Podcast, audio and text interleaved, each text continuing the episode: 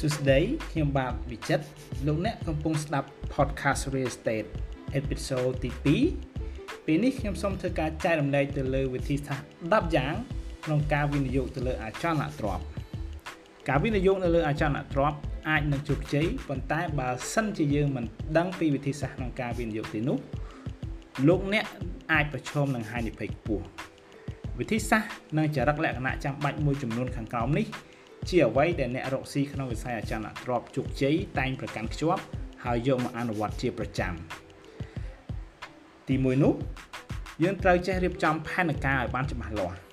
ការវិនិយោគក្នុងវិស័យអចលនទ្រព្យអាចមានភាពស្មុគស្មាញដែលទាមទារឲ្យមានផែនការជាក់លាក់ព្រោះការមានផែនការជាក់លាក់ហើយត្រឹមត្រូវអាចធ្វើឲ្យអ្នកវិនិយោគរៀបចំនិងបំពេញភារកិច្ចបានយ៉ាងល្អហើយជារួម វាជួយឲ្យពួកគេមើលឃើញទស្សនវិជ្ជានៃការវិនិយោគគ្រប់ជ្រុងជ្រោយផែនការនេះរួមមានការចេះបានប្រមាណទុនសម្រាប់វិនិយោគលំហូរសាច់ប្រាក់មកពីការជួលអចលនទ្រព្យកត្តាបំរែបំរួលប្រជាសាស្ត្រនិងកត្តាផ្សេងទៀតដែលអាចប៉ះពាល់ក្នុងកំឡុងពេលវិនិយោគចំណុចទី2នោះគឺការយល់ដឹងអំពីទីផ្សារអ្នករកស៊ីក្នុងវិស័យអចលនទ្រព្យ ពូកែត្រូវតែមានចំណេះដឹងស៊ីជម្រៅពីទីផ្សារដែលពួកគេបានជ្រើសរើសឧទាហរណ៍ដូចជាការជ្រើសរើសតំបន់ជាក់លាក់មួយហើយថាតើត្រូវផ្ដោតទៅលើការវិនិយោគអចលនទ្រព្យជាលុបប្រភេទលំនៅឋាន condo ឬអចលនទ្រព្យពាណិជ្ជកម្មបន្ថែមពីនេះក៏ត្រូវតែស្វែងយល់អំពីនិន្នាការបច្ចុប្បន្នរួមទាំងបំរែបំរួលទម្លាប់នៃការចំណាយរបស់អតិថិជន អត្រាការប្រាក់កម្ចី អត្រាគ្មានការងារធ្វើជាដើមកត្តាទាំងនេះជួយឲ្យវិនិយោគិនអាចចលនទ្រព្យយល់ពីស្ថានភាពបច្ចុប្បន្នហើយរៀបចំផែនការសម្រាប់អនាគតពូលគឺការនេះជួយឲ្យពួកគេអាចព្យាករណ៍និន្នាការដែលអាចមានការប្រែប្រួលហើយបង្កើតសក្តានុពលសម្រាប់ឱកាសវិនិយោគរបស់ពួកគេចំណុចចំណុចទី3មានភាពស្មោះត្រង់វិនិយោគិនពូកែជាទូទៅជាបុគ្គលដែលមានក្រមសីលធម៌ខ្ពស់ ព្រោះមិនថាការវិនិយោគក្នុងអចលនទ្រព្យឬអាជីវកម្មផ្សេងនោះទេតែតែមានការពាក់ព័ន្ធនឹងទំនាក់ទំនងជាមួយមនុស្សជាច្រើនហើយដូច្នេះពួកគេត្រូវតែកសាងកេរ្តិ៍ឈ្មោះរបស់ខ្លួនឲ្យបានល្អមិនតែប៉ុណ្ណោះវិនិយោគិនអចលនទ្រព្យដែលជោគជ័យដឹងថាការមានភាពយុត្តិធម៌សំខាន់ជាងការសម្លឹងមើលឃើញតែផលប្រយោជន៍ផ្ទាល់ខ្លួនចំណុចទី4បង្កើតចំណុចផ្ដោតសម្រាប់ការវិនិយោគ ជារឿងសំខាន់សម្រាប់វិនិយោគិនក្នុងការបង្កើតចំណុចផ្ដោតនិងទទួលបានចំណេះដឹងឲ្យស៊ីជម្រៅដើម្បីឈានទៅរកភាពជោគជ័យប៉ុន្តែមុននឹងឈានដល់កម្រិតនេះគឺត្រូវការពេលវេលាដើម្បីសិក្សាស្វែងយល់ពីចំណែកទីផ្សារណាមួយជាក់លាក់ជាមុនសិនដែលជាផ្នែកចាំបាច់សម្រាប់ភាពជោគជ័យយូរអង្វែងរបស់ខ្លួន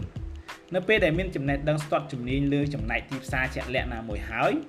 ឧទាហរណ៍ដូចជាចំណេះដឹងវិនិយោគផ្នែកលំនៅឋាន សម្រាប់អ្នកមាន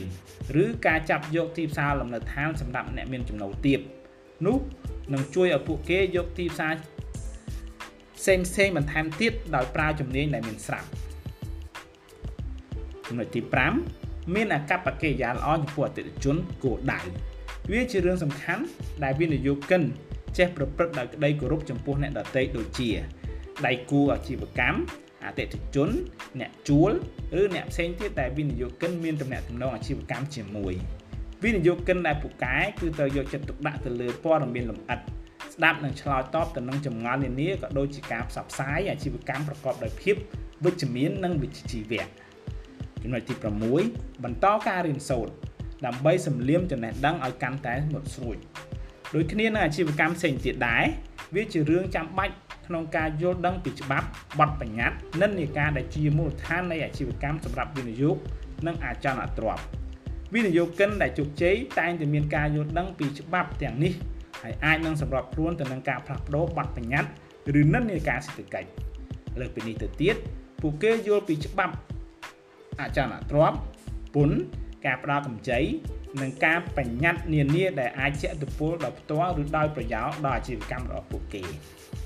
ចំណុចទី7ស្វែងយល់ពីហានិភ័យ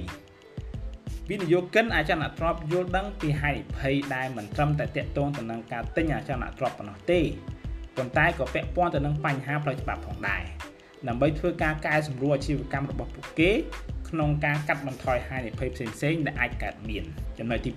8វិនិយោគទៅលើជំនាញគណនេយ្យផ្នែកពន្ធដាររួមចំណែកសំខាន់នៃការចំណាយប្រចាំឆ្នាំ របស់វិនិយោគិនអចលនទ្រព្យវិនិយោគិនអចលនទ្រព្យពូកែតែងភ្ជាប់ចំណេះដឹងជាមួយនឹងជំនាញគណនេយ្យដើម្បីគ្រប់គ្រងបញ្ជីអាជីវកម្មរបស់ពួកគេឲ្យមានប្រសិទ្ធភាពចំណុចទី9រកជំនួយការរៀនសូត្រក្នុងការរកស៊ីលើវិស័យអចលនទ្រព្យគឺជាបញ្ហាប្រឈមសម្រាប់អ្នកដែលព្យាយាមធ្វើអ្វីដោយខ្លួនឯងជោគជ័យក្នុងវិស័យអចលនទ្រព្យអាចទទួលបានពីការណែនាំនិងការរួមចំណែកពីមនុស្សមួយចំនួនដូចជា អ្នកណែនាំជំនាញមេធាវីឬមិត្តភ័ក្តិមិនតែប៉ុណ្ណោះវិនិយោគិនអចលនទ្រព្យជោគជ័យតែងតែប្រឹក្សាជាមួយអ្នកជំនាញជាជាងយកពេលវេលានិងលុយទៅប្រថុយនឹងការវិនិយោគ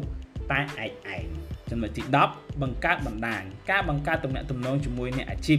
អាចផ្ដល់នូវការគ្រប់គ្រងដ៏សំខាន់តែងបង្កើតឱកាសសម្រាប់អ្នកវិនិយោគអចលនទ្រព្យថ្មីថ្មោងនិងវិនិយោគិនដែលមានបទពិសោធន៍ ការមានទំនាក់ទំនងជាមួយអ្នកណែនាំឬទីប្រឹក្សាជំនាញដៃគូអាជីវកម្មនិងអតិថិជនតែងតែផ្ដល់ឱកាសឲ្យអ្នកវិនិយោគជួយនឹងស្វែងយល់ពីគ្នាទៅវិញទៅមកបាទអរគុណសម្រាប់ការស្ដាប់របស់លោកអ្នកនៅ podcast ទី2នេះលោកអ្នកអាចនឹងមានទទួលបានព័ត៌មាននិងចំណេះដឹងថ្មីៗនៅក្នុង podcast បន្តបន្តទៀត បាទសូមអរគុណសូមជម្រាបលា